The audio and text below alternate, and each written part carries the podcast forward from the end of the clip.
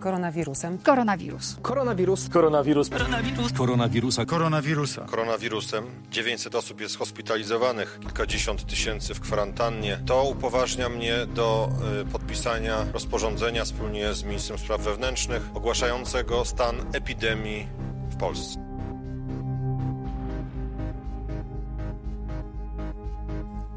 Rozporządzenie ministra zdrowia z dnia 13 marca 2020 roku mówi innymi o ograniczeniach określonego sposobu przemieszczania się. Ten dokument, podobnie jak wiele następnych, zawiera obostrzenia, które pomagają Polakom powstrzymać rozprzestrzenianie się epidemii. Na przestrzeni następnych tygodni pojawiały się kolejne regulacje, które skutkowały tzw. Tak zamrożeniem gospodarki.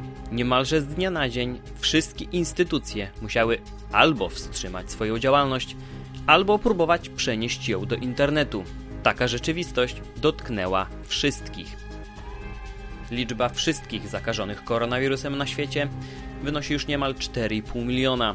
Liczba zgonów przekroczyła 300 tysięcy. W samych Stanach Zjednoczonych stwierdzono ponad 1 400 tysięcy zakażeń. W Polsce zbliżamy się do liczby 18 tysięcy przypadków. Zmarły 893 osoby. Od połowy marca Polacy zmagają się z obecną sytuacją na wiele różnych sposobów. O tym, jak radzą sobie w nowych realiach, jak rozporządzenia wpłynęły na ich działalność oraz jak mogą wyglądać kolejne miesiące i lata, rozmawiam z moimi gośćmi. Są nimi Kuba Orzech, właściciel agencji interaktywnej Increa oraz pizzerii na dowóz, wytwórnia pizzy, Peter Bielak, fotograf, portrecista i ambasador marki Quadralight oraz Mateusz Muryjas, konsultant do spraw analityki internetowej i transformacji cyfrowej biznesu analityczny. Przed mikrofonem Konrad Kozłowski, oto odcinek specjalny podcastu Antyweb po godzinach. Moje działalności są w dwóch całkiem różnych branżach. Mhm. E, pierwsza to pizzeria. Mam dwa lokale pizzerii e, tylko na dowóz. E, druga działalność to agencja interaktywna, w ramach której tworzymy między innymi strony internetowe. Więc branże całkiem różne. Dlatego gdzieś będę miał dwa spojrzenia na ten, na ten temat. E, jeśli chodzi o pizzerię, jest to wytwórnia pizzy i mamy lokal w Lublinie i w Warszawie. I to, tutaj też e, sytuacja się różni, bo e, pizzeria w Lublinie jest już, istnieje ponad 8 lat, a lokal w Warszawie został otworzony kilka miesięcy temu, 3, 4, może 5 miesięcy temu. Więc sytuacja też jest różna w tych dwóch miejscach. Pytałeś o moją reakcję. Kiedy pierwszy raz dochodziły do mnie głosy, że we Włoszech y, restauracje zostały zamknięte, y, szczerze mówiąc nie dowierzałem, że to może się zdarzyć i u nas. Mhm. Nagrywałem gdzieś y, wtedy story na ten temat, że co by było, gdyby to się stało też i u nas, ale szczerze mówiąc sam w to nie do końca dowierzałem. Jednak rzeczywistość dotarła i tak jest, tak się dzieje. E, miejsca publiczne są pozamykane, e, mamy obowiązek noszenia maseczek i wszystkie restrykcje i obostrzenia e, są także i u nas. Więc trzeba było rzeczywiście w miarę szybko się dopasować do sytuacji i, i, i jak najbardziej podjąć te, te działania szybko i kreatywnie, tak jak mówisz. A czy w jakikolwiek sposób przygotowywałeś się do tego, kiedy gdzieś już z, właśnie z zagranicy e, dobiegały te informacje, że, że takie kroki trzeba będzie podjąć, pozamykać się w domach i no, ograniczyć kontakt z kimkolwiek? Pierwszą, pierwszymi moimi przygotowaniami e, były, bo ja naprawdę przez dłuższy czas jednak nie dowierzałem w to, co się może stać, że, jeżeli, że faktycznie będziemy e, pozamykani w domach. E, natomiast pierwszą moją reakcją było zdecydowanie to, żeby mieć odpowiednie zabezpieczenia typu maseczki, wszystkie te dezynfekcje, rękawiczki jednorazowe, czyli wszystkie te środki ochrony osobistej E, żeby wprowadzić od razu, już od pierwszego przypadku gdzieś stwierdzonego w Polsce. E, u mnie wszyscy nosili, e, wszyscy dostawcy nosili te maseczki, rękawiczki i tak dalej, co spotykało się z, z różnymi reakcjami, głównie Głównie gdzieś na początku ludzie się z tego śmiali. Mhm. Natomiast ja jeszcze wtedy już zaczynałem zauważać, że to nie jest nic śmiesznego i że żeby przypadkiem nie okazało się, że za miesiąc będzie to normalny widok. No i dzisiaj już jest. No i dokładnie, dzisiaj to już jest normalny widok. E, jeszcze kilka dni temu na ulicy było powiedzmy połowę ludzi w maseczkach, już dzisiaj będą e, widzimy wszystkich ludzi w maseczkach, więc no, bar bardzo sytuacja jest dynamiczna. Czy w kwestiach dostawy i zaopatrzenia surowców, jak, jak, jak tutaj wygląda sytuacja? Obawiałem się tego, szczerze mówiąc, i rzeczywiście starałem się robić takie zamówienia moich produktów i surowców na zapas, więc wypełniałem magazyny szczególnie mąką, drożdżami, bo jest to teraz to, towar deficytowy. Y, więc miałem cały czas gdzieś na jakieś dwa tygodnie do przodu surowce. E, dochodziły też do mnie słuchy, że może się skończyć, załóżmy ser, bo niektóre firmy się zamykają. W przypadku pizzerii mąka, drożdże, ser, no dosyć istotna kwestia, prawda?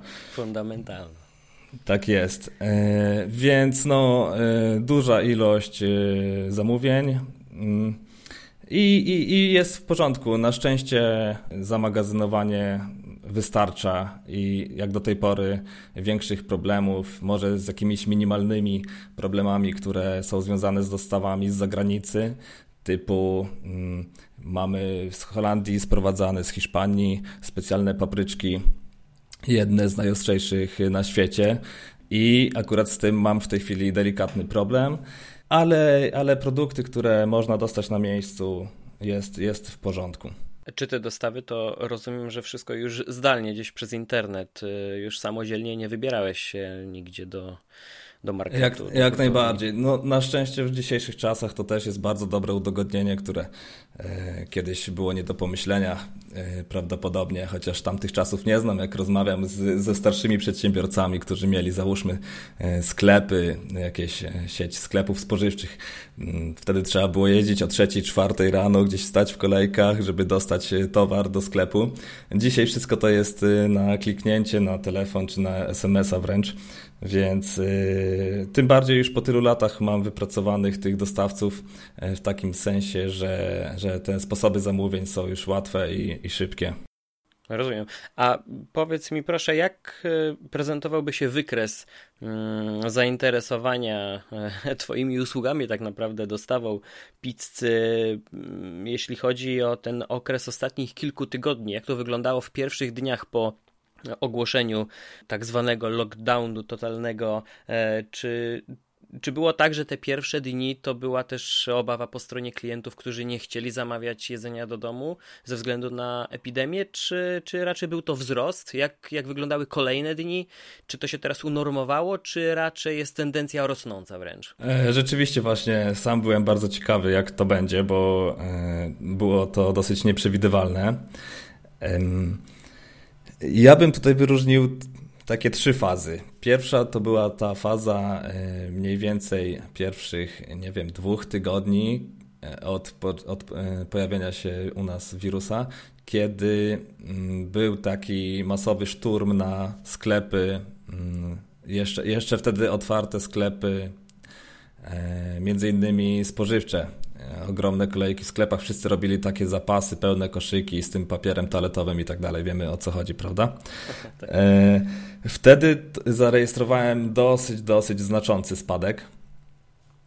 E, I myślę, że to było właśnie spowodowane między innymi tym, że wtedy ludzie po pierwsze byli w tych kolejkach, po drugie wydawali na to kupę e, pieniędzy i niekoniecznie może im zostawało na, na to, żeby zamówić sobie pizzę do domu. E, ale też może właśnie mieli jakieś wątpliwości. Na szczęście okazuje się, że zamawianie pizzy do domu jest jednym z bezpieczniejszych tak naprawdę sposobów e, na dostarczenie sobie jedzenia. E, gdyż, tak jak wcześniej wspomniałem, środki bezpieczeństwa e, zachowujemy na najwyższym poziomie. Natomiast stanie w kolejkach, mimo tych może przerw metrowych czy dwumetrowych i tak dalej, niesie ze sobą mimo wszystko pewne ryzyko. Druga faza zaczęła się może gdzieś trzeci tydzień. Była to względna stabilizacja. Natomiast y, też podkreślam względna, ponieważ przed kryzysem moje właśnie słupki w Excelu, wszystko było przewidywalne, praktycznie każdy dzień w tygodniu mogłem wiedzieć, jakie będę miał danego dnia obroty. Natomiast tutaj zaczęło się to robić tak, że sumarycznie obroty się ustabilizowały, już te spadki były mniejsze, ale wszystko wariowało. Mm, jeden dzień był dużo lepszy niż zazwyczaj, inny dzień był dużo gorszy, więc wszystko było nieprzewidywalne totalnie. I zaczynam teraz zauważać, że e, myślę, że gdzieś teraz za tydzień, dwa zaczniemy już wchodzić w fazę taką wzrostową. E, tak to przewiduję i zaczynam e, widzieć początki tej fazy. Czyli rzeczywiście ludziom kończą się te zapasy, które nagromadzili może też troszeczkę opada ta nerwówka w związku z tą całą atmosferą. I y, dodatkowo klienci, którzy do tej pory nie korzystali z usług dostawy jedzenia do domu, zaczynają z tej usługi y, korzystać. Y, więc przewiduję, że w tej mojej branży dostawy jedzenia do domu w najbliższym czasie będzie, będzie wzrost większość zamówień jest składana przez, przez internet, przez telefon, w jakiś sposób? Tutaj jest e, tak, że jesteśmy obecni zarówno w aplikacjach, które pośredniczą w tym zamawianiu jedzenia, e, na przykład Pyszne Pizza Portal, ale e, głównie stawiamy na zamawianie bezpośrednio u nas. Mm, czyli zamawianie telefoniczne. Ale też jest pozytywny aspekt tego wirusa dla mnie, że y, właśnie jednym z takich wymuszonych trochę na mnie działań było w końcu to, że uruchomiliśmy czy uruchamiamy system do zamawiań nasz bezpośredni na naszej stronie, mhm. czyli zamawianie online, do którego zbieraliśmy się jakieś dwa lata, bo zawsze szukaliśmy idealnego rozwiązania, a w końcu gdzieś poszliśmy na konsensus, nie wszystkie może możliwości, nie wszystkie opcje, które chciałem będą, ale jednak w 95% moje oczekiwania będą spełnione i system do zamawiania online e, właśnie wdrażamy własny. Jeszcze wspomniałeś o tym, jak e, klienci reagowali na na to, że u Was już te środki się pojawiły nieco wcześniej, maseczki czy rękawiczki.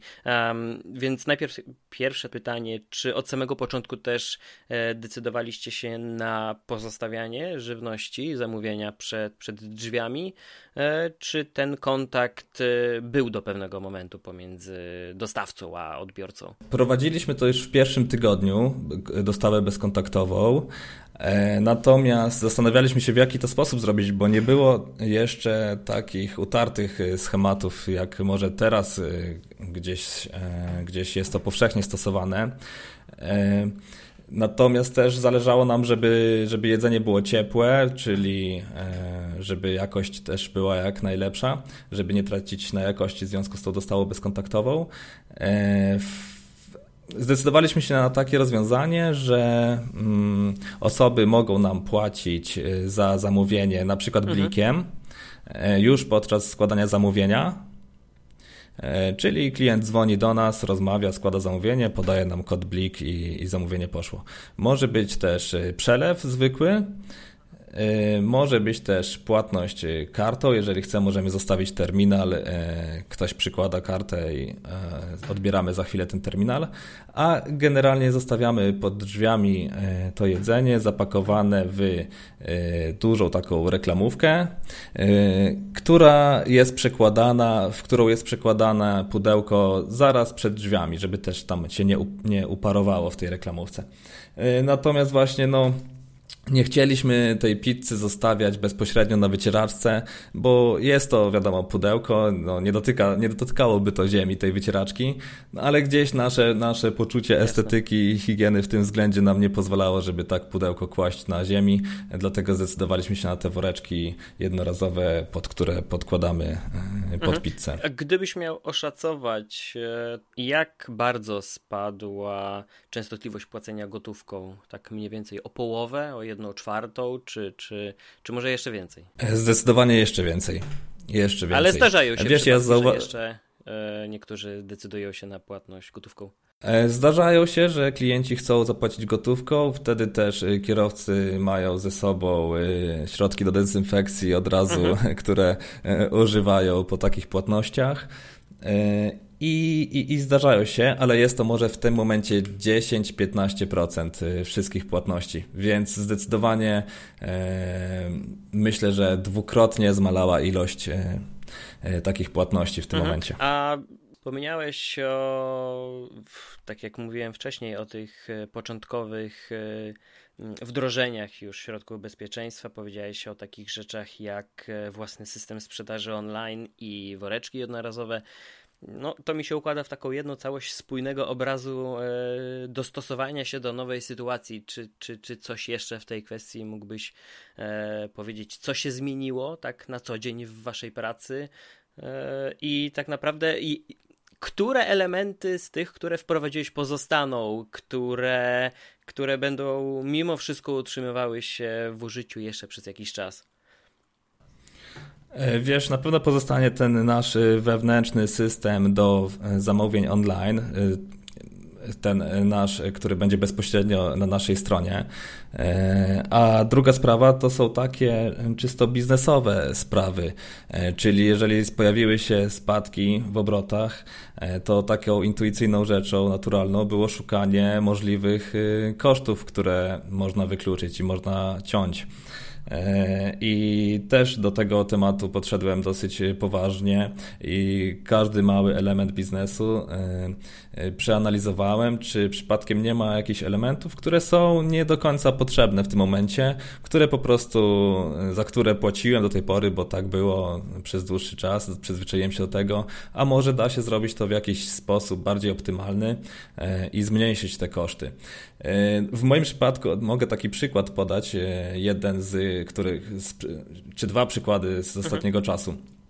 E, nie wiem, czy wiesz, ale e, wywóz śmieci jest w tym momencie bardzo, bardzo drogi.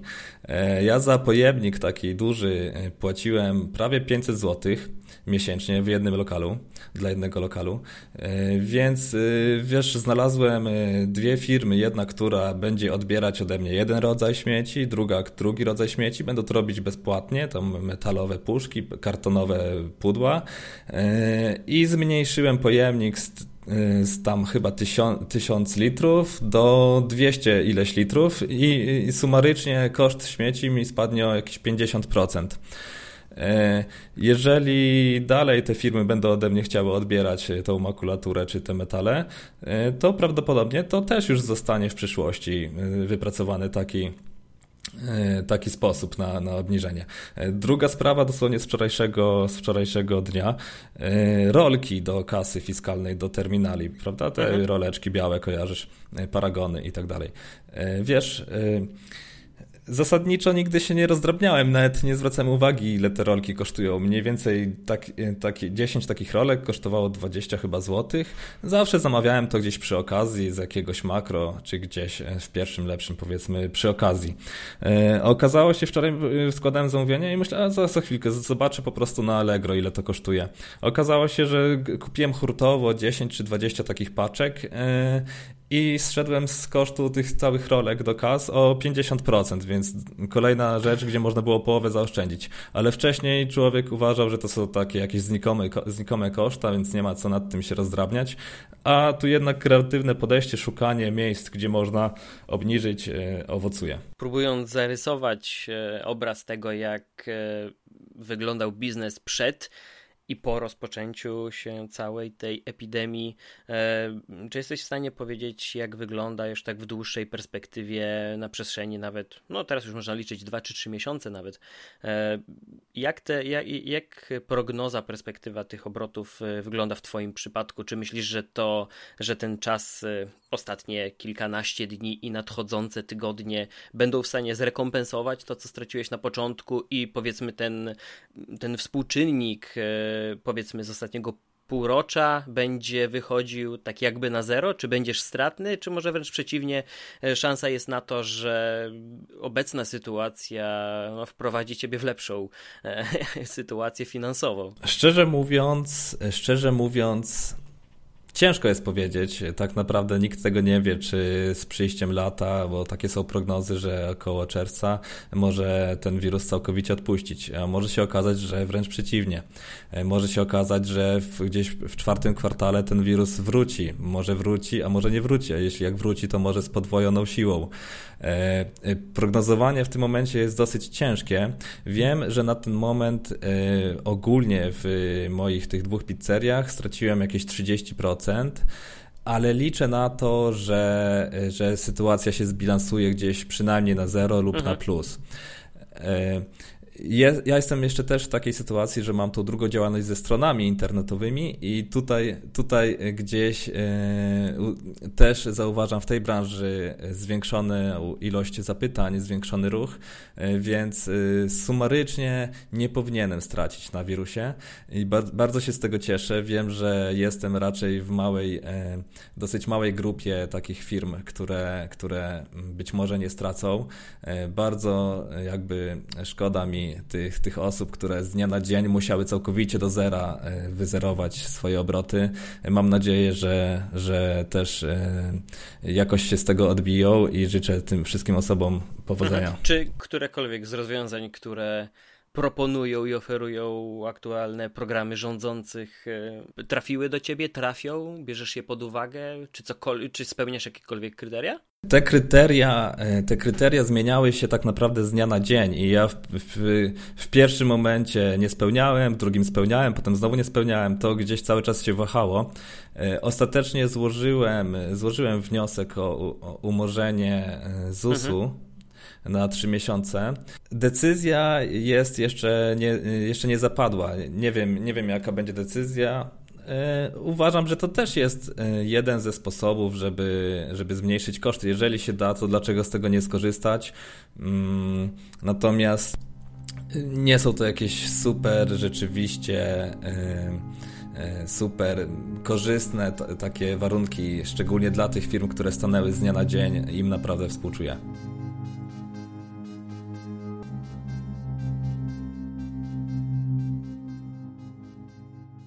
Powiedz mi proszę Piotrze na początku, czym się zajmujesz, albo właściwie może powinienem ująć, czym się zajmowałeś na co dzień w swojej pracy? Przede wszystkim zajmuję się portretowaniem osób w jakiś bardziej wyszukany, zwykle kolorowy sposób, ale też jestem przede wszystkim fotografem. Stąd, owszem, do tej pory zajmowałem się przez ostatnie lata portretowaniem osób i fotografowaniem, to jest ta warstwa, którą widać na moich social mediach. Prowadzę warsztaty i szkolenia dla fotografów, którzy chcą opanować sztukę posługiwania się światłem błyskowym. Jestem ambasadorem Quadralight, to jest producent systemów oświetleniowych, tak nazwijmy, dla fotografów, czyli lamp błyskowych, lamp światła stałego i całej gamy akcesoriów służących do ustawiania tego i wywoływania tego błysku czy światła z poziomu aparatu. I jestem też blogerem. I tak jak zapytałeś, czym się zajmowałem, więc zajmowałem się fotografią, a w tej chwili muszę przyznać, że przede wszystkim wracam do swojej sztuki blogowania. I ja przez całą swoją karierę fotograficzną bardzo dużo blogowałem, pisałem o tym, co i jak fotografuję, nie szczędząc żadnych tajemnic ani szczegółów, a w tej chwili robię, robię tego jeszcze więcej, dlatego że w tej chwili fotograf, który nie postawi swojej działalności na online i na obecność online, no jest absolutnie przegranej sytuacji. Czy to było tak, że z dnia na dzień wszystkie twoje projekty i plany legły w gruzach? Czy, czy, czy gdzieś już widziałeś te, te, te nadchodzące takie widmo e, i przygotowywałeś się, odkładałeś już niektóre rzeczy na później albo wkładałeś je w takie nawiasy, że to może się wy, wydarzy, a może nie? Może nie było to z dnia na dzień, bo to w Polsce trwało powiedzmy, nie wiem, dwa tygodnie. Taki był nadciągające widmo, które najpierw było gdzieś tam sobie daleko w Chinach, potem nagle pojawiało się tutaj, ale tego, że przybierze to taki obrót, jaki jest w tej chwili, to znaczy zakaz wychodzenia tylko w maseczkach, odstępy między ludźmi po dwa metry, zakaz zgromadzeń, tam dwie osoby to już jest tłum i no, tego nie spodziewałem się, przyznaję absolutnie. Y, owszem, spodziewałem się tego, że pozamykają kluby fitness, bo to może źle, znaczy może zabrzmi to dziwnie dla ludzi, którzy nie wiedzą, jak wygląda praca fotografa od zaplecza i ludziom wydaje się, że fotograf to jest taki fajny zawód, że chodzisz i robisz zdjęcia. To tak prawdę mówiąc, e, pracy fotografa robienia zdjęć to może 10, może 15%, jeżeli ktoś ma szczęście, a cała reszta to jest po prostu umawianie się z klientami, umawianie projektów, myślenie nad projektami i przede wszystkim retusz fotografii, czyli ślęczenie przed komputerem i z telefonem w garści, ale przede wszystkim ślęczenie przed komputerem. Stąd obecność fotograficy, by zachować zdrowie i dobry kręgosłup pozwalający trzymać aparat, muszą czynnie uprawiać sporty, więc my to robimy od wielu lat. I będąc w klubie fitness, a jest to miejsce, gdzie wiesz, przychodzi wielu ludzi z różnych branż, to właśnie te głosy przychodziły, że dzieje się to, dzieje się to, nadciąga to, nadciąga tamto i że zaraz będą zamykać to, zamykać tamto. I najpierw człowiek tak słuchał i jednym uchem, drugim wypuszczał, potem zaczęło coś do niego docierać, że to sytuacja robi się poważna. I ja współpracuję też z kilkoma markami i na początku roku mm, nawiązałem współpracę z jedną firmą, drugą, trzecią i w związku z tym prowadziłem sobie tam projekty fotograficzne. Do 7 marca zrobiłem chyba w marcu 8 sesji fotograficznych, więc kiedy przyszedł taki załamanie i zamknięcie wszystkich w domu, to myślę, a spokojnie będę miał czas na przygotowanie tych całych wszystkich sesji, które zrobiłem wcześniej bo miałem bardzo, bardzo dużo materiału do obróbki, więc prawdę mówiąc taki, myślałem, że to będzie, wiesz, weekend, może dwa, no może trzy, nie, bo jak ktoś tam zaszaleje. A o tym, że to będzie trwało tyle czasu, to absolutnie nie myślałem. I te projekty, które miałem zrobić, w zasadzie już obrobiłem. I w tej chwili skupiam się na, na pracy online, na pisaniu artykułów na blogu, bo trzeba w jakiś sposób cały czas istnieć po to, że kiedy to wszystko się skończy, żeby być gdzieś tam wyżej, a nie zaczynać wszystko od nowa. Wspomniałeś też wcześniej o szkoleniach, warsztatach. E, tutaj od razu do głowy przychodzą mi takie e, słowa jak webinary, które stały się w ostatnim czasie bardzo, bardzo popularne. Czy te marki, z którymi współpracujesz, czy osoby, z którymi e, współorganizowałeś warsztaty, szkolenia, z którymi gdzieś te plany na dalszą część roku już istniały, czy to już zostało w jakiś sposób zmodyfikowane? Czy planujecie przeniesienie tego wszystkiego do sieci? Czy, czy jednak gdzieś jakieś e, te minimalne szanse dostrzegacie, że mimo wszystko powiedzmy od, od, od połowy roku będzie już można wrócić do takiej normalności?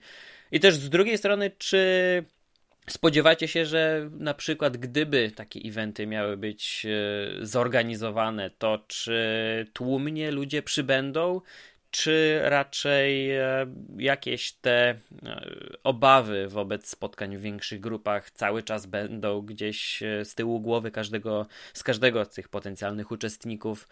I jaki obraz się w ogóle wyłania następnych kilku miesięcy z Twojej perspektywy? Słuchaj, webinary faktycznie, webinary, a przede wszystkim live'y przez Facebooka i na YouTubie, to jest rzecz, którą w tej chwili y, prowadzi w zasadzie każda firma, która ma do tego możliwości i środki. I to czasami wychodzi lepiej, czasami wychodzi gorzej, bo pomijając taki aspekt, że nie każdy prowadzący, ja na przykład ja, jak na przykład ja, ja świetnie się czuję wtedy, kiedy widzę szczere, roześmiane twarze i oczy, do, na które mogę patrzeć i wśród ludzi czuję się świetnie i samo mi się napędza, wiesz, razem z publicznością i nie mam najmniejszych problemów z rozmawianiem, opowiadaniem, odpowiadaniem na wszelkie pytania, pod warunkiem, że mam na wyciągnięcie ręki, czy niech to będzie nawet 3 metry przede mną jakąkolwiek publiczność. A w momencie, kiedy jestem zamknięty sam w pustym pokoju, z jakimś sprzętem i kamerą, która na mnie patrzy, to nie ukrywam, mi jest dużo, dużo ciężej, ale może ja nie jestem takim typowym introwertykiem. Być może jak ktoś jest takim samotnikiem zamkniętym i lubi w ten sposób pracować, to może dla niego być fajne, bo o ile moje marki, z którymi współpracuję, faktycznie robią webinary i może nie są to jeszcze warsztaty y, takie w sensie komercyjne za pieniądze, ale myślę, że to w tą stronę pójdzie, to mam z kolei kolegę, który pracuje w DTP i on mówi, że dla niego to jest w ogóle ta cała sytuacja, to jest zbawienie, on tylko na to liczył, jest jest absolutnie zachwycony, bo nie musi mm, spędzać codziennie godzinę na tym, żeby się zastanowić, w co się ubrać, jak pojechać, jak wrócić, gdzie zaparkować, tylko robi dokładnie to samo, co robił. Przez FTP dostaje pliki, załatwia, obrabia, odsyła i w DTP on, on jest zachwycony. A wracając do webinarów mm, i klientów, gdzie pytałeś, czy, czy to, w którą stronę to ruszy. O ile na darmowe webinary zawsze jest dużo chętnych, bo to zawsze fajnie popatrzeć, jak ktoś tam, wiesz, jakiś fotograf pokazuje swój warsztat i opowiada coś ciekawego. I teraz, kiedyś to był problem, żeby ludzie mieli czas, bo zawsze są zabiegani w pracy. Dzisiaj nie, nie bardzo są zabiegani, a przynajmniej większość ma dużo, aż za dużo wolnego czasu. Ale takie darmowe webinary to jest przyjemna rzecz, gdzie marka może się pokazać, marka może pokazać swoich ambasadorów, swoich ludzi, fotografów, wiesz, ich styl pracy. Y, za to bo tak cały czas rozumiem, że rozmawiamy też o tym, jak sytuacja, y, która jest w tej chwili, odbije się na, na pracy, czyli de facto na, na finansach i branży w sensie takiej stricte, prawda, nie tylko hobbystów. Y, więc popularną sprawą po tamtej stronie Wielkiej Wody, jak ja to nazywam, są takie warsztaty online, które się po prostu płaci za dostęp do nich. Czasami jest tak, że one są live i wtedy możesz nie tylko patrzeć na ten warsztat, ale też zadawać pytania na czacie i ktoś wtedy na żywo odpowiada, tam prowadzący fotograf, po czym oczywiście to wszystko jest nagrane i to kosztuje wtedy chyba troszkę mniej. Ja nigdy w życiu, nie, raz mi się zdarzyło być na takim warsztacie na live, zawsze kupuję takie warsztaty na przykład w takiej firmie, która nazywa się Creative Life. I w Polsce do tej pory nie widziałem zbyt wielu ludzi, którzy takie rzeczy robią, aczkolwiek jest jeden taki bardzo, bardzo popularny i mocno działający w social mediach y, fotograf, który coś takiego zaczął robić, po czym drugi mój kolega zrobił takie warsztaty, na które zaprosił parę osób do studia i tam robił warsztat w studio, który był bezpośrednio też streamowany na Facebooku i oczywiście wszystko było zapisywane po to, żeby potem można było to kupić u niego w sklepie. I myślę, że w tej chwili to w tą stronę wszystko pójdzie. Zresztą ja myślę o czymś takim samym. Problem jest taki. Mam do dyspozycji studio, mam, do, mam zaprzyjaźnionego właściciela studio w Lublinie, y, takie studio fotograficzne i on zaprasza mnie w każdej chwili. Tyle, że jeśli nawet tam pójdę i znajdę modelkę, która nie będzie się bała, plus znajdę asystenta, bo choćby nawet właściciel studia, no to powiedzmy nasza trójka będzie w jednym pomieszczeniu. I o ile my możemy się czuć komfortowo i pokazywać wszystko, to wcale nie wiem, czy nie znajdzie się ktoś, kto będzie chciał zareportować, panie tam się na Facebooku przyjedzie, nie tak, panie policja niech przyjedzie na Facebooka, bo jest nielegalne zgromadzenie. Trzy osoby w jednym pokoju, nie? Tak też może być. I to jest taki obraz branży, gdzie trzeba brać pod uwagę też, jak ludzie się mogą, czy potrafią zachować w dziwnych sytuacjach, w dziwny sposób. A pytały się o obawy, czy ludzie będą mieli, czy my mamy obawy, że ludzi, kiedy otworzymy warsztaty, sytuacja zacznie się normować, czy ludzie będą tłumnie przychodzić. Oczywiście, że takie obawy mam. Nie wiem, czy wiesz, jak wygląda sytuacja w Szwecji w tej chwili, bo teoretycznie mówi się, że w Szwecji wszystko działa normalnie. Może nie jest to do końca prawdą, że wszystko normalnie się y, działa tak, jak działa, ale oni nie noszą ani rękawiczek, ani masek ale rząd zaleca, zaleca social distance i dużo idącą ostrożność, no i oczywiście mycie rąk. I parę dni temu słyszałem taki, mm, oglądałem na YouTubie taki, nazwijmy to, Boże, jak to nazwać? Bo to nie jest webinar, taki, może nie jest to live, bo to już nie jest live, ale dwóch chłopaków z bardzo, bardzo popularnej amerykańskiej firmy F-Stoppers zaprosiło do udziału w swoim programie sześć osób ze Szwecji pięcioro takich rodowitów Szwedu, rodowitych Szwedów i jeden chłopak, który 15 lat temu z Niemiec przyjechał do Szwecji, więc ma też troszeczkę inne spojrzenie. I oni opowiadali, jak wygląda tam codzienne życie. I w skrócie, ludzie są ostrożniejsi i to, że restauracje są na przykład otwarte, to nie znaczy, że mają pełno klientów. Są restauracje, które się zamykają, bo nie ma klientów, bo ludzie są ostrożniejsi. Więc w branży fotograficznej wygląda to w tej chwili i tak jest mnóstwo fotografów, i którzy po prostu czekają tylko na sygnał. Można robić sesje, bo po prostu potrzebują zarabiać pieniądze, żeby utrzymać rodzinę, co jest oczywiste. A z takiej, jeżeli ktoś nie jest ściśle zmuszony do fotografowania komercyjnie, to jest mnóstwo modelek, które po prostu tylko czekają na pierwszy sygnał, że robimy sesję i one już lecą. Ale myślę, że gdzieś to światełko z tyłu głowy też się będzie świeciło, zwłaszcza tym, nazwijmy to, bardziej doświadczonym modelom, modelkom, które mają troszkę więcej niż tam 14 lat i nie tylko bardzo by chciały i czują się nieśmiertelne, bo są bardzo młode osoby, ale gdy ktoś, nazwijmy to, skończy te 20 lat, to być może zacznie myśleć z tyłu, czy, czy gdzieś, trzeba, żeby zrobić sesję, trzeba pojechać przez jakiś kawał miasta. Czasami włożyć na siebie ciuchy, które przygotuje ktoś inny. I gdzieś ta obawa o tym wszystkim, myślę, cały czas gdzieś z tyłu głowy będzie. No w mojej głowie na pewno będzie ta obawa. A powiedz mi, jak e, wygląda teraz twój kontakt z klientami, z którymi miałeś zaplanowane już konk z konkretnymi terminami e, jakieś projekty, sesje oraz te, jak wyglądają kontakty z tymi, z którymi już rozmowy jakieś wstępne na przykład przeprowadziłeś? Czy to wszystko jest odłożone w czasie, czy raczej um, większość z nich w tym momencie powiedziała po prostu stop, my się z tym wstrzymujemy, zobaczymy jak rozwinie się sytuacja i ewentualnie wrócimy do rozmów. Jak, jak jest balans pomiędzy takimi e, kontaktami? W moim przypadku absolutnie wszystkie roboty, które miałem zaplanowane, one są zatrzymane. One są odłożone na potem, ale to potem nie jest, nie ma żadnego konkretnego terminu. I w mojej sytuacji, chyba w mojej branży, w zasadzie wszystkie sesje są odwołane. W tej chwili zdaje się od, od 20, czyli tam od dwóch dni, teoretycznie fotograficy, którzy robią zdjęcia do dowodów, mogą zrobić zdjęcie do dowodu pod warunkiem, yy, dlatego że przepis pozwala zdjąć maseczkę w momencie, kiedy wymaga tego wykonanie usługi. Zrobienie zdjęcia u fotografa do dowodu, czy do paszportu, czy do jakiejś dokumentacji, no jest, nazwijmy to, niezbędną potrzebą.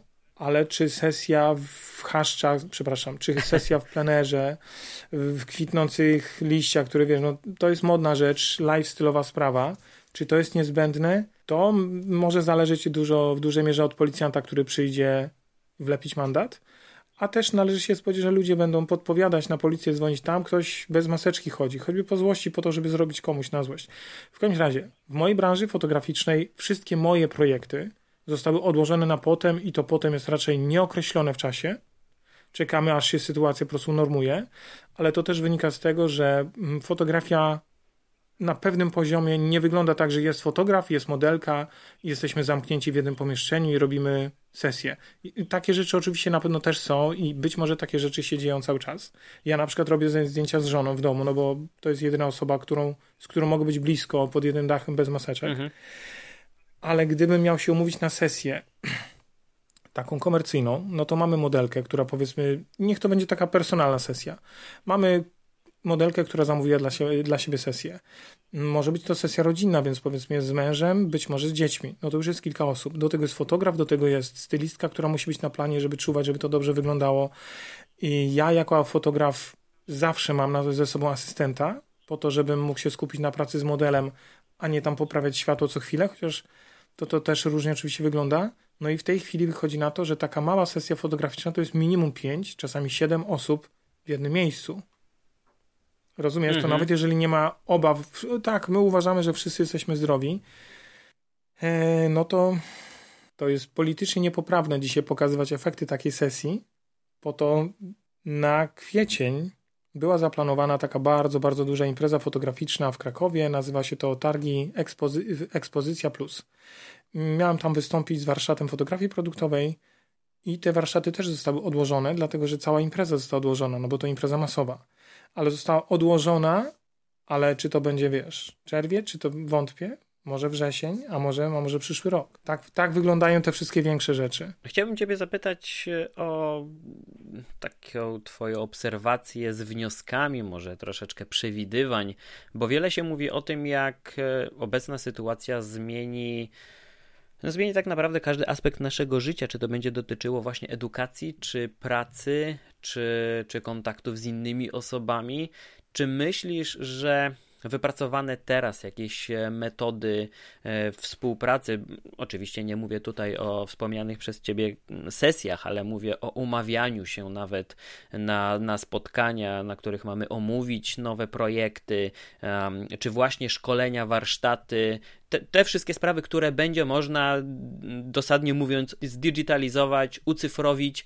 E, czy myślisz, że po powrocie do takiej względnej normalności po tym wszystkim w branży nastąpi taki przełam w kierunku właśnie e, przeniesienia się dużej części takiej aktywności do sieci, że ludzie może nie w obawie i nie w strachu przed samym koronawirusem, ale bardziej ze względu na zaoszczędzenie czasu i wypracowanie jakichś nowych schematów Będą chcieli załatwić więcej spraw przez Skype'a, przez e-maila, może przez właśnie wcześniejsze przygotowanie warsztatów na, na wideo, które będą chcieli sprzedawać w sieci, zamiast organizować spotkania, które muszą się odbyć w konkretnym miejscu o konkretnym czasie? Mm, na pewno, na pewno. To, to chyba każdy, kto, znaczy każdy, kto patrzy przez okno, to widzi, że w tej chwili nie ma innej szansy na umawianie się czegokolwiek niż online. W zasadzie, bo każdy spotkań, co się na ulicy, to zaraz przyjdą panowie policjanci z pytaniem, dlaczego się Państwo gromadzicie, czy to niezbędne. Nawet jeżeli teraz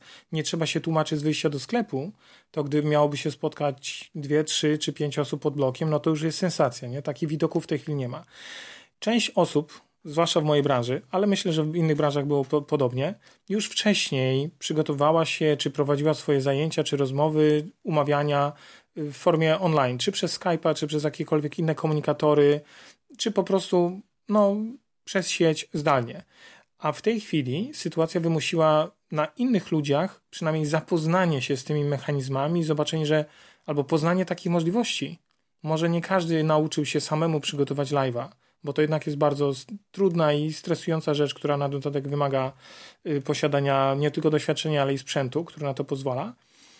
Mm, ale myślę, że zobaczyli, że takie rzeczy są, takich rzeczy będzie teraz coraz więcej i na pewno będzie to przyszłość warsztatowa w znacznie, znacznie większym stopniu niż do tej pory ludzie o tym myśleli. Z drugiej strony, mówię znowu o mojej branży, bo tylko o tym mogę mówić. Y, pomyśl w ten sposób. Do tej pory było na przykład bardzo, bardzo dużo chętnych na, wszelkie rodzaju, na wszelkiego rodzaju warsztaty fotograficzne, na szkolenia, czy indywidualne nawet. Mm, a w tej chwili tego może być troszkę mniej, dlatego że sam rynek fotograficzny się skurczy, bo trudniej będzie wyciągnąć ludzi, może nie tyle wyciągnąć, trudniej będzie znaleźć chętnych, pchających się drzwiami, oknami klientów na sesję do fotografów. To, to nigdy nie było proste, tak prawdę mówiąc. Y, chociaż były branże, które sobie z tym, y, znaczy dziedziny fotografii, które sobie z czymś takim radziły lepiej. Ale w tej chwili myślę, że zapotrzebowanie na pewne, pewną część fotografii też troszkę spadnie. Za to pojawi się zapotrzebowanie na przykład teraz na dobry wizerunek, bo o ile wcześniej, o ile wcześniej po prostu szedłeś na rozmowę kwalifikacyjną, i wydawało ci się, że nie potrzebujesz dobrego zdjęcia, bo przeszliście na rozmowę i do wielu ludzi nie docierało, że pierwszy kontakt z potencjalnym pracownikiem ktoś tam z wewnątrz firmy ma dużo wcześniej niż ten ktoś przyjdzie przecież na rozmowę kwalifikacyjną. Ludzie nie lubią o tym myśleć, że wcześniej byli prześwietlani przez Facebook. Ktoś przyglądał się, jak wyglądają na zdjęciach, a w tej chwili, jako że sami więcej czasu spędzają w ten sam sposób, może się okazać na przykład, że pojawi się ogromna ogromne okno zapotrzebowanie dla fotografów, którzy robią zdjęcia lifestyle'owo-biznesowe dla ludzi, którzy potrzebują dobrze wyglądać na swoich social mediach, bo wiedzą, że to jest to miejsce, które zachęci, nie wiem, potencjalnych pracodawców, żeby do nich wyciągnąć rękę. Powiedz mi, Piotrze, jakie są Twoje plany na najbliższe tygodnie i miesiące? Z planowaniem jest o tyle ciężko, że no nie będzie żadnych, nie będzie żadnych warsztatów, Mhm. Nie będzie żadnych spotkań online.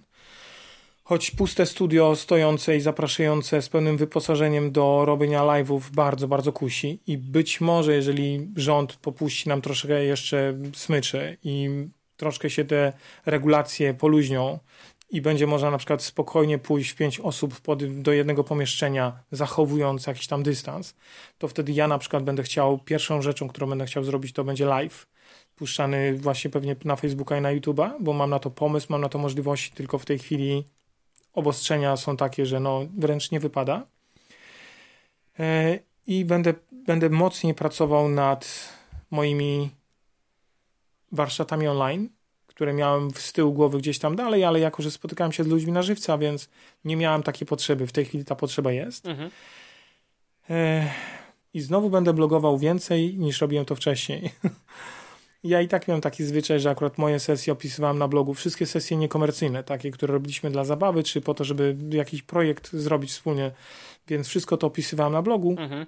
Nie każda z tych sesji wydawała mi się na tyle istotna i wnosząca tyle, że warto ją było opisywać na blogu. W tej chwili być może sięgnę do materiałów, które gdzieś tam sobie leżą i będę tworzył nowe wpisy ze starszych materiałów, bo nigdy tego wcześniej nie pokazywałem, a w tej chwili może, może się okazać, że jest na to zapotrzebowanie, bo na przykład widzę większy ruch na moim blogu. Więcej ludzi zamiast biegać do pracy siedzi w domu i przegląda internet. Więc to też jest okazja na zaistnienie dla ludzi, którzy już są online, A jeżeli nie są, no to już chyba najwyższa pora. Przyznam się, wiesz co, nie mam żadnych sprecyzowanych planów. E, dlatego, że sytuacja nie zachęca do tego, żeby planować, bo planowanie opiera się na tym, zrobimy to, to i to, z tym, z tym i z tym, wtedy, wtedy i wtedy, nie?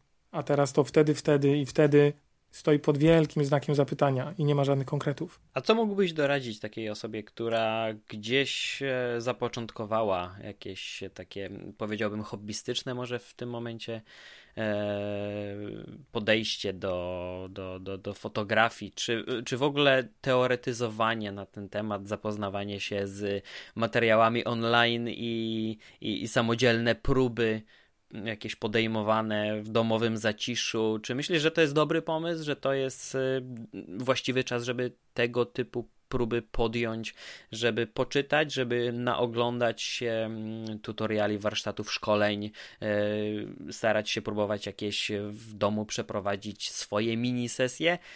Myślę, że lepszego czasu niż teraz to już nie będzie. Mhm.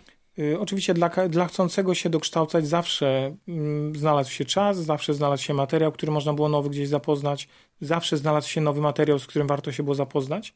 Choćby YouTube jest nieprzebraną skarbnicą, więc oczywiście mówię o YouTubie anglojęzycznym, dlatego że polskojęzycznych fotograficznych kanałów na YouTubie jest mało, a takich, które oddają naprawdę konkretną wiedzę jest, jest jeszcze mniej niż z tych mało. Mhm. Y, ja na przykład postanowiłem zapoznać się z mm, innym kolejnym programem do, do retuszu zdjęć. Oczywiście wszyscy wiedzą, że standardem w biznesie jest y, Photoshop, ale od pewnego czasu pojawił się na rynku taki program, który nazywa się Affinity Photo. I ja go raz czy drugi gdzieś tam widziałem, coś zerknąłem i to takie no fajne, ale, ale to jednak nie jest Photoshop. W tej chwili Affinity na całość swojego programowania dał 90-dniowy okres próbny, taki trial, trial ja oczywiście z tego skorzystałem, bo myślę, skoro i tak będę siedział i retuszował więcej zdjęć niż zwykle, spróbujmy zrobić to samo na dwóch różnych programach. I może nie to, że jestem zachwycony, ale jestem bardzo mile zaskoczony tym, że program, który kosztuje w tej chwili w promocji 120 zł, Y, potrafi aż tak dużo i pracuje się na nim aż tak wygodnie dla kogoś, kto zna Photoshopa, aczkolwiek są pewne rzeczy, które mnie doprowadzają do białej gorączki, bo pewne odruchowe skróty, które stosuję po, po tylu latach w Photoshopie, tutaj nie działają. Ale co ciekawe, większość skrótów z Photoshopa działa w Affinite Photo, gdyby ktoś był zainteresowany. Mhm. Y, idąc dalej, warto się teraz dokształcać, dla, choćby dlatego, żeby nie zgnuśnieć, i nie, nie, zała, nie zamartwiać się tym, co będziemy robić, ale jeżeli ktoś chciałby rozpocząć teraz swoją karierę mm, fotograficzną tak od warstwy amatorskiej, to jest to doskonały moment.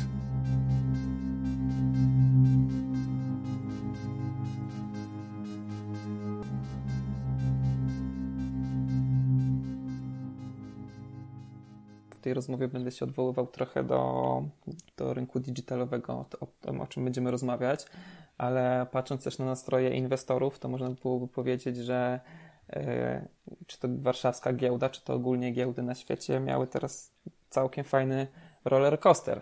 E, mhm. Więc mamy tutaj, mamy górki, mamy dołki, jak przy każdym kryzysie. No, myślę, że jesteśmy w fazie, w której mm, zaakceptowaliśmy to, co się wydarzyło w marcu i powoli zaczynamy zastanawiać się, jak będzie wyglądało mm, dalsze życie po epidemii, po, po koronawirusie.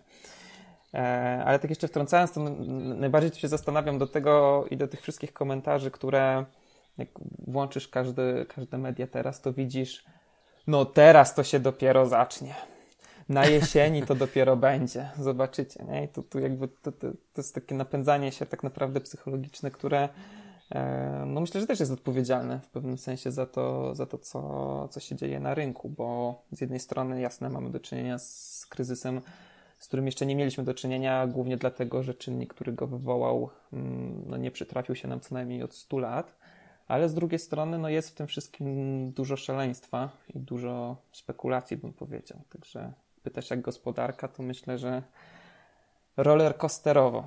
My dzisiaj w, tym, w tej naszej rozmowie skupimy się na cyfrach, na statystykach, na liczbach i wykresach, bo, bo tym się zajmujesz na co dzień y, i mam wrażenie, że mając do dyspozycji takie dane, takie informacje przeglądowe rynku, nawet nie jednego, nie dwóch czy nie trzech, bo to nie dotyczy tylko i wyłącznie Twojej firmy, ale jesteś w stanie powiedzieć, jak zachowują się e, przeróżne branże.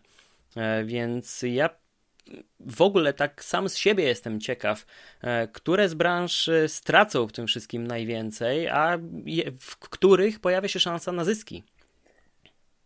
Wiesz co, podzieliłbym tą odpowiedź też na dwa pytania, znaczy na, na to, to pytanie podzieliłbym na dwie, dwie odpowiedzi, bo z jednej strony, tak jak powiedziałeś, ja pracuję z danymi, e, pracuję z różnymi firmami jako konsultant i bardzo często jestem gdzieś z tyłu, czyli nie na pierwszej linii frontu, nie widać tego, co naprawdę robimy, ale dostarczamy dane i informacje od wewnątrz, które do, dopiero wychodzą na zewnątrz w jakiejś postaci. I, I, to, co, mm, na co bym tutaj zwrócił uwagę, to na dwie rzeczy. Z jednej strony to jest branża, w której działasz i to, jak masz skonstruowany model biznesowy, czyli na czym tak naprawdę zarabiasz, a z drugiej strony to jest to, w jaki sposób prowadzisz ten biznes i jak się do, do przygotowałeś do tego, co nastąpiło czyli jak się przygotowałeś do kryzysu, bo to, to, co się wydarzyło, to w pewien sposób zweryfikowało firmy, które były postawione na bardzo kiepskich fundamentach. To znaczy, jeżeli Twoje marże były tak niskie, że wiązałeś koniec z końcem ledwo od pierwszego do pierwszego, jeżeli nie miałeś tej przysłowiowej poduszki finansowej, co ja osobiście jako przedsiębiorca uważam za trochę nieodpowiedzialne podejście, bo tutaj jakby każdy, każdy przypadek będziemy oceniać pewnie indywidualnie i nie można powiedzieć, że każdy mógł się zachować w ten sam sposób, tworząc sobie taką, a nie inną rezerwę.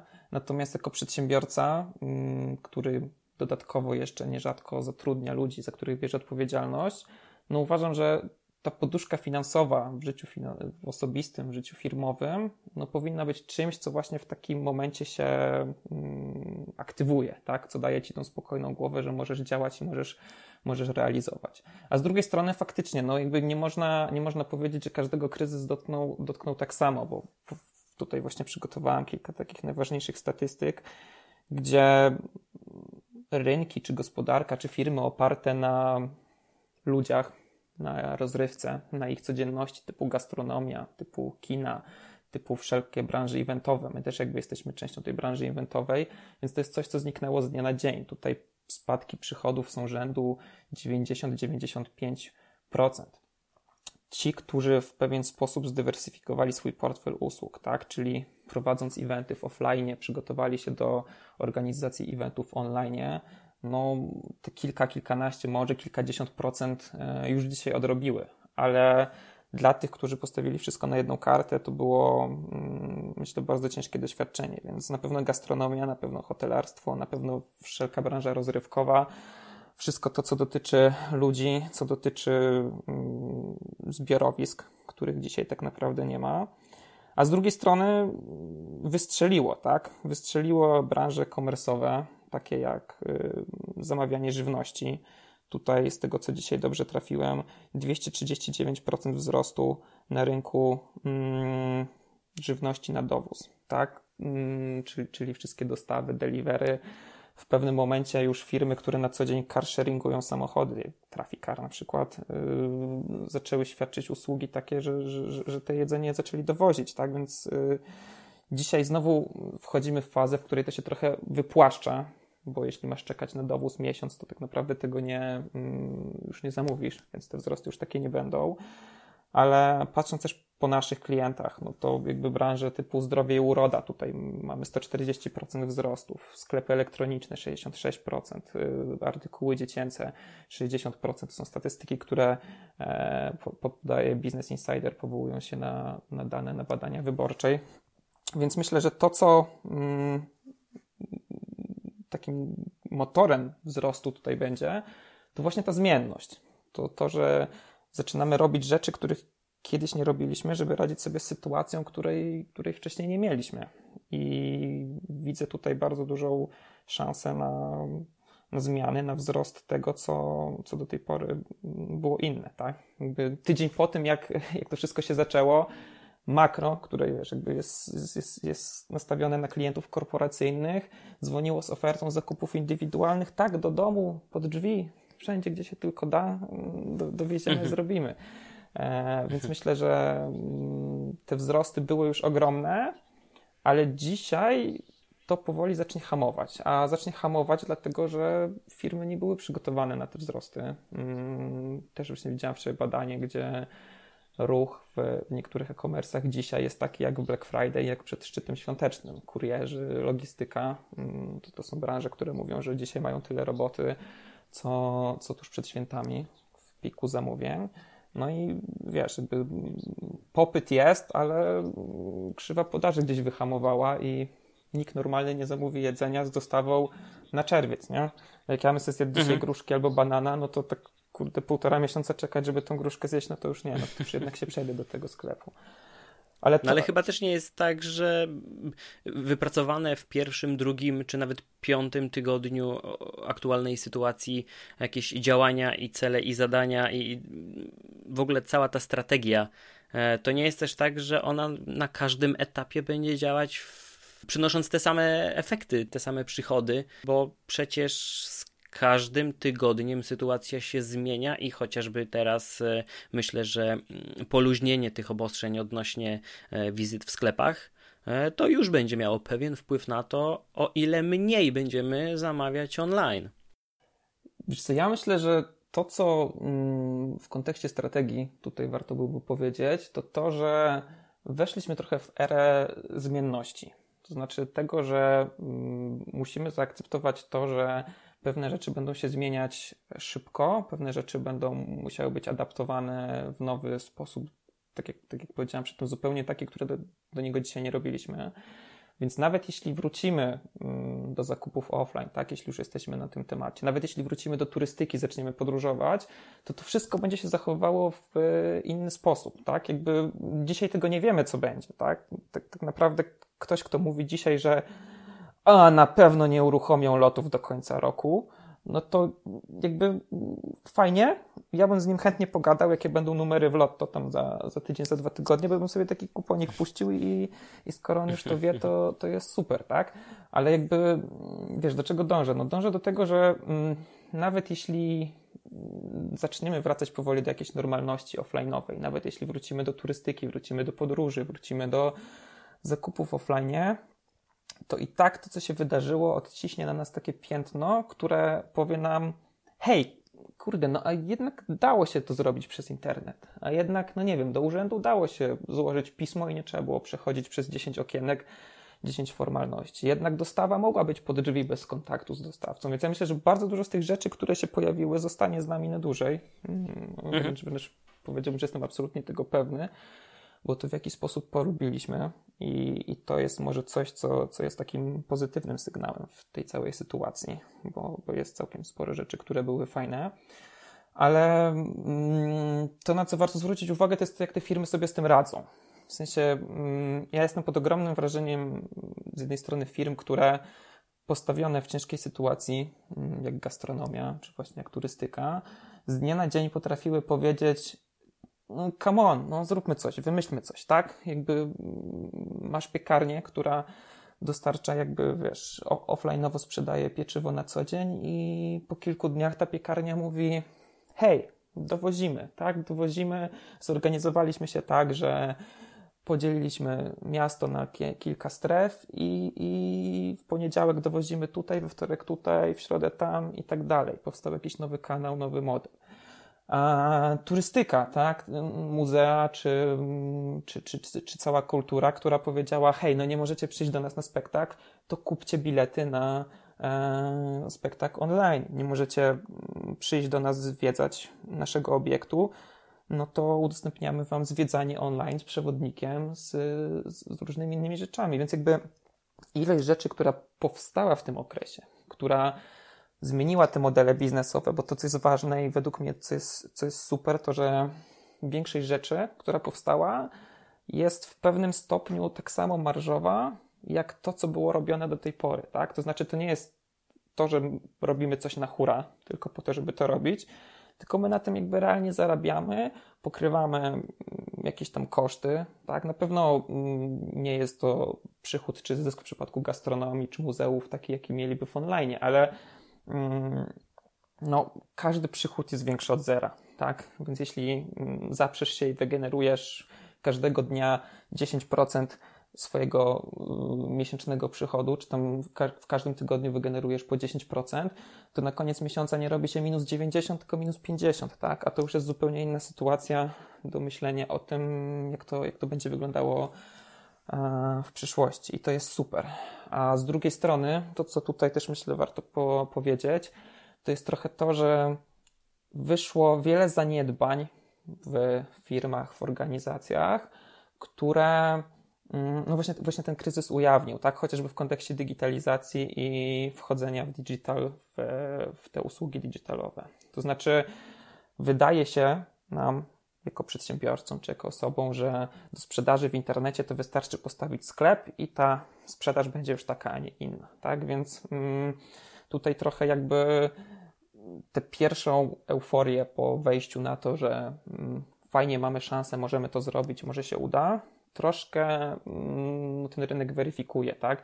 Bo jeśli duży gigant obuwniczy, który miał do tej pory tylko salony w offline, wchodzi do internetu i myśli, ha, tu już mamy, jesteśmy szybko scyfryzowaliśmy się tydzień, dwa tygodnie, mamy sklep, sprzedajemy, to on nie wygra jakby od razu, z firmami, które mhm. w tym internecie działają od 5-10 lat, które mają rozwiązania sztucznej inteligencji, jakiejś tam personalizacji, lojalność klientów i te działania. No niemniej jednak każdy taki przejaw aktywności jest rzeczą super. W sensie tym, że w ogóle coś się dzieje, że nie mówimy, nie załamujemy się, nie mówimy od razu, no nic się nie da zrobić, tak trzeba, tylko wchodzimy w ten digital. No ale tak jak znowu powiedziałem, z drugiej strony jest to, jest to, jest to trochę barierą i, i może stanowić to zagrożenie tego, że inaczej wyobrażamy sobie ten świat w digitalu, próbujemy przenieść tam zachowania z offline'u, a, a te dwa rynki w pewien sposób zachowują się, zachowują się inaczej, więc mm, żeby ten, ta nasza rozmowa miała też jakiś taki trochę charakter poradnikowy, to, to, to na co bym zwrócił tutaj uwagę, to na pewno na to, że jeśli prowadzisz dzisiaj firmę i w jakiś sposób do tej pory nie miałeś działań związanych z digitalem, to mm, selekcjonuj źródła wiedzy czy osoby, od których czerpiesz informacje, jak to robić, jak zacząć, jak to robić poprawnie.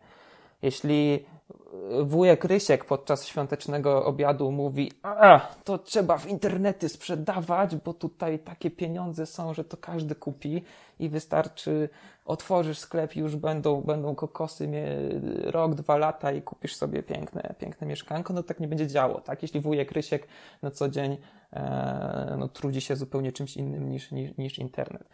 Więc zaczynając tą przygodę, szczególnie dzisiaj w takim trudnym okresie, gdzie wysyp specjalistów, ekspertów od, od różnych dziedzin, od różnych rzeczy jest zbyt duży, bardzo selektywnie podchodziłbym do tego, co powinienem zrobić, a czego nie powinienem zrobić. I z jednej strony patrzyłbym właśnie przez pryzmat mm, tych takich quick winów, szybkich porad, a z drugiej strony przez pryzmat tej strategii, bo umówmy się, to się nie skończy za tydzień, za miesiąc, myślę, że nawet za trzy miesiące to zostanie z nami według tych jakichś najnowszych szacunków na 16-18 miesięcy będziemy potrzebowali do tego, żeby gospodarka wróciła do stycznia z 2020 roku. E, o ile w ogóle wróci. Do o, ile, o ile w ogóle wróci do takiego stanu, dokładnie. Czy zauważyłeś takie przypadki e, konkretne, e, e, być może na podstawie danych, do których masz dostęp, więc tutaj oczywiście bez, bez ujawniania nazw takich firm, ale może też w internecie na coś się natknąłeś przeglądając. No teraz już coraz popularniejsze wszystkie social media, gdzie są te przecież e, najpopularniejsze chyba w tym momencie kanały dystrybucji informacji na temat e-commerce'u. E, najzwyczajniej mówiąc, reklamy.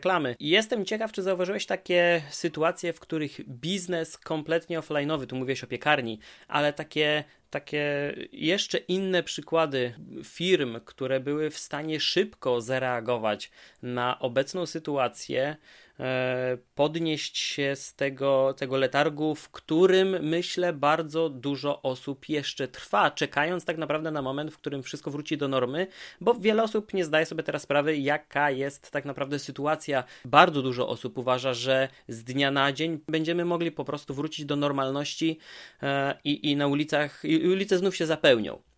Więc e, jestem ciekaw, czy są takie przykłady firm, które z dnia na dzień już y, podjęły tę walkę o klienta po stronie digitalowej, online e, i robią to skutecznie do, do teraz.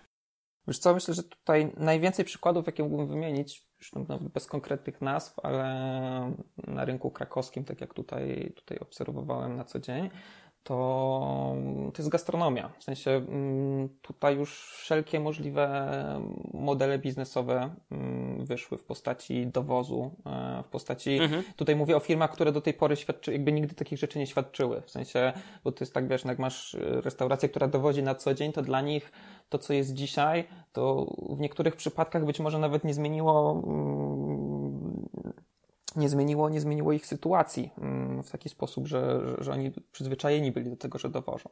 Ale absolutnie hitem były dla mnie restauracje, które w, na tydzień, na dwa tygodnie przed świętami zupełnie w dowozie i zupełnie wiesz, w modelu biznesowym przygotowywały paczki wielkanocne dla swoich, e, dla swoich klientów. I e, to było, to było takim idealnym produkt market fitem, nie? czyli jakby dopasowanie do, do sytuacji, do kontekstu, do tego, że siedzimy w domach, jakby jesteśmy gdzieś tam pewnie trochę przygnębieni tym, że nie pojedziemy do rodziny, mm, szanujemy okres, który był, no więc co nam zostało? No chociaż dobrze zjeść no ale nie chce nam się tego robić, sklepy i tak dalej, nie? I w tym momencie cyk, są jakby stuprocentowe gastronomie, które Gotowe mówią... paczki żywnościowe tak, niemalże. jakby kupujesz w stu procentach, przywozimy bezpiecznie, niczym się nie martwisz, masz wszystko to, co lubisz. To jest jakby, to jest jakby, to jest jakby ten, ten, ten jeden przykład. E, świetnym modelem biznesowym było to wprowadzenie wielu takich, że tak powiem, odroczonych płatności, bo to, co jest najgorsze dzisiaj w tym, w tym całym, w tej całej sytuacji, to poza tym, że nie, nie zarabiamy jako, jako firmę, to jest to, że mamy problem z płynnością finansową, czyli jakby płatności być może mamy jakieś zaległe, odroczone na miesiąc, na dwa miesiące, na trzy miesiące, ale nie mamy płatności, które pozwolą nam na bieżącą operacyjną działalność dzisiaj.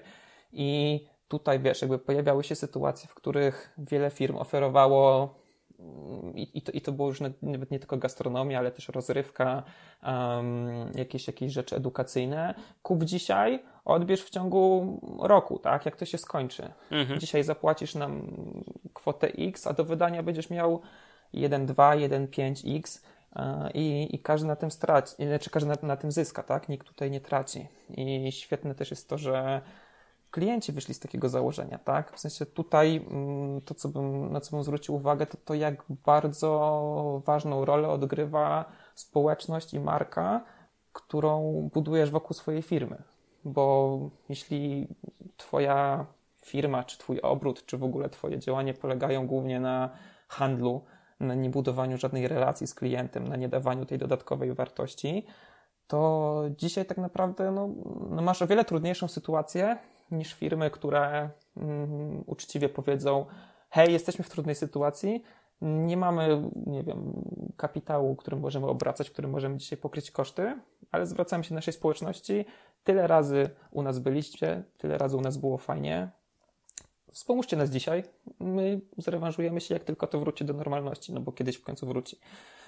I to, i, to, I to było super. Bardzo fajne też przykłady z branży eventowej. Mm, tutaj myślę, że sporo osób w, przeszło tak zwaną przyspieszoną digitalizację e, i rzeczy, które działy się w offline, eventy, kongresy, jakieś targi zostały przeniesione do, do online. Jakby sam wiesz po konferencjach, że to nie jest to samo, co pojechać gdzieś, polecieć, spotkać tych ludzi na żywo, porozmawiać Niestety. No ale, Zupełnie co ale, ale i tak to jest jakby szacun, wiesz, jakby ja się zawsze zastanawiam, czy lepiej jest zrobić mm, rzecz X, która będzie nawet ileś tam razy gorsza od czegoś yy, i, i słabsza, ale po prostu się odbędzie i w jakiś sposób pchnie nas do przodu, bo to jest jakby pchnięcie firmy do przodu, czy po prostu założenie, że no to nie będzie tak jak kiedyś. Nie, kiedyś to było nie? 22 lata temu to było, jak się poznaliśmy. To, to wtedy to No myślę, że nawet y, myślę, myślę, że można nawet patrzeć na, na firmy, tak jakby, które z góry dają przykład, bo wystarczy spojrzeć na firmy technologiczne, wśród których będzie Apple czy wkrótce Microsoft, ale mówię głównie o Apple, e, dlatego że tam zaledwie tydzień czy dwa minęły od tego punktu zwrotnego i wtedy nastąpiła premiera nowych produktów. E, I oczywiście, że bardzo dużo osób znalazło się teraz w trudnej sytuacji. E, mm, wiele osób znalazło się w takiej sytuacji, w której być może środki pozwalają na zakup takiego sprzętu, ale to będzie odłożone w czasie. Ale mimo wszystko jakaś ta płynność w premierach, e, w sprzedaży, e, w takim normalnym przepływie informacji musiała nastąpić, e, więc, więc to mi się bardzo spodobało. Jeżeli chodzi o same eventy, to tak jak wspomniałeś, to jest jedynie namiastka tego, co naprawdę się może, może wydarzyć, bo podczas takiej konferencji, na której następuje odsłonięcie nowych produktów, prezentacja, wtedy mamy też możliwość porozmawiać z tymi ludźmi nie tylko odpowiedzialnymi za produkt, o którym nam opowiedzą, tak jak to jest zdalnie przez internet teraz prowadzone, ale również z innymi pracownikami tej firmy, również z innymi dziennikarzami, również z obserwatorami, którzy przyglądają się temu troszeczkę bardziej z zewnątrz niż my, tak naprawdę. Mm, I wtedy jest e, też i nasze spojrzenie na to wszystko zupełnie inne, więc e, e, Oczywiście, że chciałbym, by jak najszybciej sytuacja wróciła do normy, bo e, choć e, życie na walizkach i częste podróże nie są niczym e, przyjemnym, ale też takie skakanie ze skrajności w skrajność, jaka nas teraz spotkała i wszystko dzieje się online przez internet, cyfrowo, to też, to też jest jednocześnie szansa, jednocześnie szansa na, na, na wypłynięcie. Dlatego ja jestem ciekaw, tego, y, jakie zachowania Twoim zdaniem, z Twojej perspektywy, e, są właściwe z punktu marketingowego, e, co, jakich, e, jakie próby powinniśmy podejmować, a, a jakich raczej się ustrzegać w promowaniu swojej działalności, no i tak naprawdę próby, próby dotarcia do, do jakichkolwiek przychodów. A tu brakuje, nie? Tych wyjazdów. Też sobie tak pomyślałem teraz, kurde, ile razy to, to się narzekało na te wyjazdy, warsztaty, Na ciągłe podróże. Nie, tam setki tysięcy, czy tam tysiące kilometrów, no tak naprawdę zrobionych e, w miesiącu, a teraz kurde najdłuższa podróż to do Lidla. tak, tak naprawdę Albo Biedronki, tak, albo Stokrotki, albo mm, jakiegokolwiek innego sklepu, bo zaraz nas tu posądzą reklamy. A, no tak, nie zapomniałem, kurczę. Do sklepu z żółtym logotypem, z takim tym robaczkiem, ślimaczkiem. Nie, wiesz co, wracając do pytania. Mm, to, co tutaj no, moje, że tak powiem, analityczne serce mi podpowiada, to to, żeby każde działanie, które dzisiaj podejmujesz, e, charakteryzowało się dwoma, dwoma rzeczami. Po pierwsze, żeby miało jakiś cel, to znaczy w momencie, mhm. w którym jesteśmy na hoście i bardzo mocno, że tak powiem, jest nam dobrze, no to pozwalamy sobie na działania czasem wizerunkowe, czasem może jakieś, e, tak powiem, outdoorowe, zakrojone na większą skalę, które no nie do końca wiemy, jaki efekt przynoszą. Mm, ale po prostu mamy nosa, żeby to zrobić, bo może to gdzieś dopełni te inne nasze działania. E, więc, więc, więc postawiłbym teraz na pewno na działania, które mają konkretny cel i mają, mają że tak powiem, przynieść nam dodatny zwrot z tej inwestycji w te działania. A druga rzecz, no to to, żeby były maksymalnie mierzalne.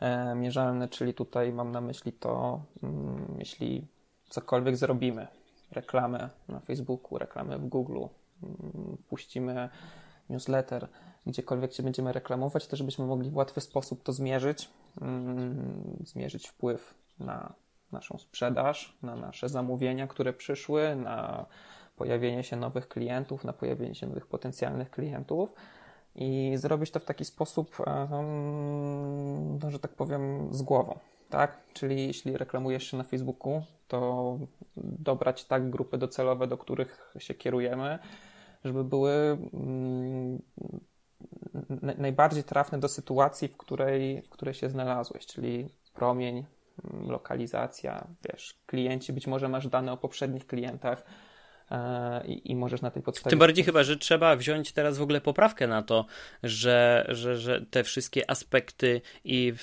czynniki przy dobieraniu grupy docelowej reklam w internecie mogły teraz ulec zmianie. To na pewno, ale wziąłbym na poprawkę na coś jeszcze innego. E, wziąłbym poprawkę na to, że bardzo dużo reklamodawców zniknęło z rynku mm, praktycznie z dnia na dzień. To znaczy firmy, mhm. które wstrzymały budżety marketingowe mm, z obawy bądź też z, z redukcji kosztów. E, decyzja jak najbardziej zrozumiała w większości, bo marketing jest, jest czymś, z czego się tnie w pierwszej kolejności. mm, w, w strategicznych gdzieś tam rozwiązaniach. Ale z drugiej strony zrobiło to całkiem dużo przestrzeni dla, dla tych reklamodawców, którzy postanowili nie odpuścić. I tutaj dane, które my mamy, to są jakby koszty rzędu zmniejszone o nawet 35-40% w niektórych sytuacjach, w niektórych branżach. A więc e, przy, przy, przy, tym samym tak naprawdę nakładzie finansowym jesteś w stanie, jak dobrze popracujesz, osiągnąć dwa razy, dwa razy więcej. E, czy te zachowania, wiesz co, uległy zmianie? Tutaj myślę, że mm, same zachowania może nie uległy zmianie, bo jeśli jadłeś na mieście mm, sporo w, przed, przed kryzysem, to nie sądzę, że e, od dzisiaj wszyscy będziemy masterchefami i, i, i wszyscy będą gotować, mm, więc myślę, że dalej jesz, tylko ten komunikat, który musisz e, tej reklamie przetrawić się trochę, trochę inaczej zmienił, tak? Czyli dzisiaj już nie przyjdź do nas, mm, poczuj atmosferę naszej knajpy, e, barmanów i, i, i kelnerów, którzy cię zabawią i opowiedzą ci dowcip, tylko dzisiaj zamów tę atmosferę do siebie do domu, tak? Udekoruj pudełko pizzy jakimś tam rysunkiem, dołącz coś fajnego, dodaj jakiś bonus, dodaj jakiś gratis, który przełoży się na tą markę, przełoży się na to, że ktoś będzie cię y, bardziej szanował, bardziej lubił i, i, i nawiąże do tego. Tak? Jeśli reklamowałeś się w, Google wcześniej, czy, czy w ogóle jeśli prowadziłeś jakieś inne działania reklamowe, to zanim podejmiesz decyzję o tym, żeby odciąć wszystko, mm, bo stwierdzisz, że mm, nie ma perspektyw na razie na nowych klientów, na nowe działania, to przeanalizuj te dane, przeanalizuj to, które słowa kluczowe czy które reklamy mm, na Facebooku były najskuteczniejsze. Mm, wiesz, zgodnie z zasadą Pareto, tak naprawdę 80% naszych y, efektów, mm, zysków, przychodów może być y, wynikiem 20% działań. Jeśli wybierzemy te 20% dobrze, które do tej pory prowadziliśmy, no to zgodnie z tą zasadą jesteśmy w stanie całkiem sporo odrobić i całkiem sporo tych rzeczy e, się odwinąć e, w, mhm. w, szybkim czasie, więc mm, życzyłbym też wszystkim osobom, które mm, mają problem teraz z podjęciem decyzji, e, tak naprawdę też dwóch rzeczy. Przede wszystkim, żeby podjęli jakąkolwiek decyzję, co dalej, bo każda decyzja podjęta jest lepsza niż ta niepodjęta. Mm, nawet zła z perspektywy czasu może się okazać lepsza tym, że została podjęta i doprowadziła nas do pewnego miejsca, w którym znowu nastąpi jakiś pivot i, i, i pójdziemy w innym kierunku. A drugiej rzeczy to to właśnie, żeby mm, zachować trochę spokój i taki racjonalizm w tym, co, w tym, co robimy. Bo mm, przeszliśmy przez tą falę takiego największego szoku wiemy już, e, możemy się przynajmniej spodziewać e, pewnych zmian, które, które się pojawią, tak? Z, z większym dystansem społecznym, z trochę mniej, jakby zwiększonym poziomem gdzieś tam higieny, bezpieczeństwa w sytuacjach, w których będziemy mieli więcej ludzi. I myślenia już dzisiaj, jak się do tych zasad można zaadaptować, tak? W scenariuszu A, B i C, bo to jest najlepsze to, co, co można wykorzystać ten czas. A jeszcze, jeszcze pytałeś właśnie o te rady marketingowe, to mm, taka rada może to nie jest typowo marketingowa tak naprawdę, ale um, zaplanowanie alternatyw, czy zaplanowanie różnych scenariuszy dla rzeczy, które do tej pory robiłeś, za które płaciłeś, tak? Jeśli płaciłeś za jakieś działanie marketingowe, to czy możesz wykorzystać ten czas, który jest dzisiaj na to, żeby nauczyć się tych działań wcześniej sam i poprowadzić je samemu? Tak, znowu, jeśli zrobisz je na 60% tego, co robiłeś do tej pory, to być może to będzie 60-50% klientów, których, których miałeś do tej pory i, i których rozwijałeś. Um, na pewno taką rzeczą, na którą też bym zwrócił uwagę, to jest to, żeby um, pomyśleć o efektywności tych działań. Czyli jeśli do tej pory płaciłeś, nie wiem, za reklamę, ale tak naprawdę nie wiedziałeś, za co płaciłeś, to negocjowałbym warunki rozliczeń czy warunki płatności za takie działania w kontekście do efektu. Mówiąc, mówiąc wprost, tak naprawdę pokaż mi efekt Twoich działań, no i, i rozliczmy się od, od tego efektu, a nie od jakiegoś flat fee, które płacimy za, za całość. I tak naprawdę już takie już rady, to, to już akurat będzie taka, taki set rad biznesowych, może bym powiedział, nawet nie tylko marketingowych, ale mhm. po pierwsze, jakby nie zmarnujmy tego czasu.